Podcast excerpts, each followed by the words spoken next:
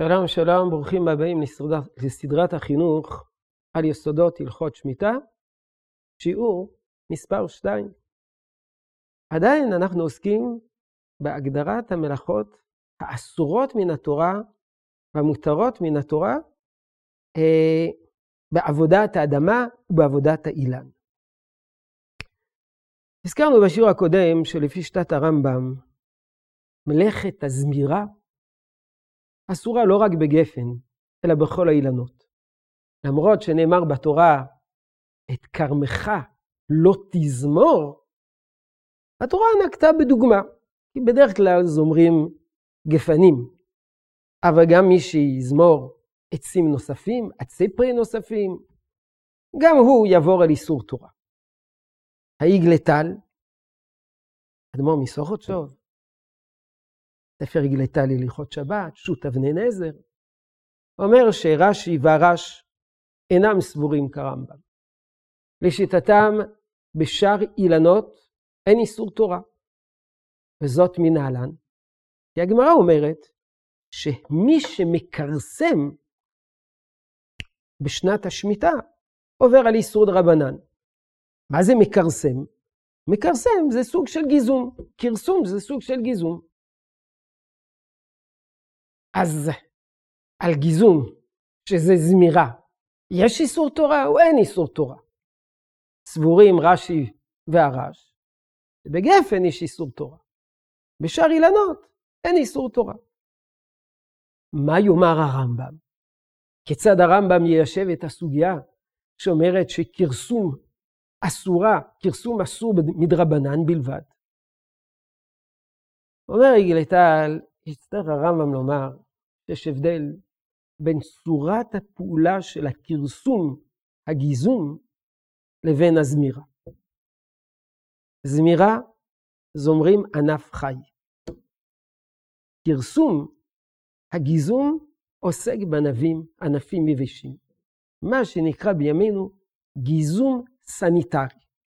דהיינו, מסלקים כל מיני פסולת שעלולה לפגוע בעץ, ענפים חולים, ענפים יבשים. זה כרסום, זה מדרבנן. בעוד שענפים לחים, זה מה שהתורה אסרה, זמירה של ענפים לחים. מדוע? כי זמירת ענפים לחים היא תורמת להשגת יבול משופר. ידוע, בגפן אם לא זומרים בצורה נכונה, אין יבול. אחד הבנים שלי רצה לעזור לי באחת מהשנים, ראה שטרם זמרתי את הגפן שיש לי בגינה פה במצפה נבו, זמר אותה כדבעי כפי שצריך, שנה לאחר מכן לא היה ענב אחד. כי הוא זמר בצורה לא נכונה. לזמור זו פעולה מקצועית שמבטיחה יבול, יבול גדול, יבול משובח, לא כל מיני אשכולות קטנים, שגורמים לכך שאין יבול יפה ומכובד. הרב קוק מתאר בספרו שבת הארץ את הזמירה שהייתה נהוגה בימיו. היו זומרים את הזמורה כמעט עד הגזע. אמר הרב קוק, הזמירה הזאת שנוהגת בימיו שונה מן הזמירה שהתורה אסרה. התורה אסרה זמירה שבה משאירים חתיכה של הזמורה. המטרה היא להשביח את הגפן וגם לתת, לאפשר ליבול, להרבות את היבול. הזמירה הנהוגה בימיו, תן הרב קוק, המטרה שלה היא שונה. להעריך את חיי הגפן. וזו זמירה שונה, זו זמירה אחרת, זו איננה הזמירה שהתורה אסרה, זו איננה אפילו תולדה. כלומר, זו תולדה, אבל תולדה זה מדרבנן. ולכן טען הרב קוק שהזמירה שנוהגת בימיו היא זמירה שאיננה אסורה מן התורה. לעומת זאת, אומר הרב קוק, הערבים, הם זומרים ומשאירים חלק מן הענף, חלק מן הזמורה. למה? כי המטרה שלהם להשביח את הגפן ולהביא לתוספת יבול. באמת, בזה משתקפת המציאות ההיסטורית. הערבים המשיכו לזמור בדרכים הישנות, בשיטות הישנות. לעומת זאת, היישוב היהודי החקלאי החדש, תחת חסותו של אדמונד רוטשילד, היא כבר uh, עשתה זמירה על פי שיטות של האגרונומים של, של רוטשילד, על פי שיטות אחרות. טען הרב קוק, אין בכך, אין בזמירה הזאת איסור תורה, ולכן במקרים מסוימים שיש צורך גדול ועל ידי שינוי, אולי זה יהיה מותר. זה דרבנן, זה שונה. בסופו של דבר, כותב הרב קוק, שורה בספרי אגרונומיה, וגם השיטה החדשה נועדה להשביח את האילן ולהביא לתוספת יבול, לתוספת ענבים. ולכן אומר הרב קוק, נסוג מן ההיתר, ואמר שרק בשעת חג גדול אפשר לסמוך על משהו.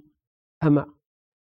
כל זה מלמד אותנו עד כמה העיקרון הזה, אבות עשה רחמנה, תולדות לא עשה רחמנה, עד כמה העיקרון הזה מדוקדק. עד כדי כך שגם בזמירה של הגפן יש סוגים שונים של זמירה. לפני כן הזכרנו זמירה של ענף יבש לעומת זמירה של ענף חי. ענף חי זה דורייתא, ענף יבש זה דרבנן, זה הכרסום לפי שיטת רש"י והרש. לפי הרב קוק גם בענף חי יש הבדלים. הבדלים זה זמירה להשביח את האילן ולהביא לתוספת יבול, או זמירה על מנת להאריך את חיי העץ. כל זה מבטא בצורה החדה ביותר. אבות רס"ר רחמנה ולא תולדות. הלכה למעשה, הרב טוקצ'ינסקי, בספרו ספר השמיטה, זה אולי אחד מהספרים הבסיסיים ביותר שנכתבו הלכה למעשה הלכות שמיטה, לפני, לא יודע, 40 שנה, כשלמדתי הלכות שמיטה, זה היה מתוך ספר השמיטה של הרב טוקצ'ינסקי. וכך הוא כותב, כל הקוצץ ענף או ייחור מאיזה אילן שהוא, שעל ידי זה מתגדל ומתעבה האילן, הרי זה עובר בלאו כרמך לא תזמור, אחד כרם ואחד כל שאר אילנות. איסור זמירת ענפים הוא בין אם קוצץ ענפים שלא יכבידו על האילן, בין שקוצץ ענף אחד מבין שניים שלא יהיו דחופים זה לזה, או שקוצץ ענף מקולקל, או שחותך ראשי ענפים. וכמו כן, אין קוטמים את מיני הזרמיים, או, וכן לא יחתוך העלים או הבדים הרעים והמקולקלים של השושנים וכל הדומה, הנאמר באילן. זאת אומרת שגם אם יש לך שיח, יש בזה גם כאיסור זמירה. אז הנה, למדנו קצת על הלכות זמירה, ואני רוצה לסיים את השיעור בדברים של הרש"ר הירש. הרש"ר הירש מסביר מדוע בהלכות שבת, בשבת יש אבות ותולדות, ולמה בשמיטה אין אבות ותולדות. וכותב הרש"ר הירש שיש הבדל גדול. המטרה של שבת, שאדם יכיר את הקדוש ברוך הוא ברא את העולם. שכל הבריאה היא מעשה ידיו של הקדוש ברוך הוא. וכל הבריאה היא לשם. כל הבריאה היא מאת השם.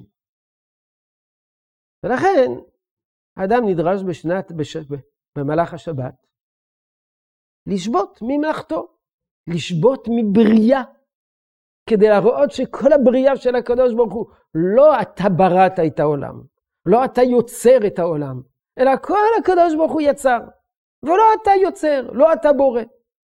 ולכן אין הבדל בין אבות לתולדות, אילו בריאה ואילו בריאה, אילו יצירה ואילו יצירה, הכל אסור לעשות במהלך השבת, כי אסור לך ליצור בין אבות בין תולדות. לעומת זאת, בשנת השמיטה, המטרה היא להראות שאת אדמת ארץ ישראל קנויה לקדוש ברוך הוא. ואתה בסך הכל אורח פה. ולכן בשנת השמיטה אסור לך לזרוע ואסור לך לקצור.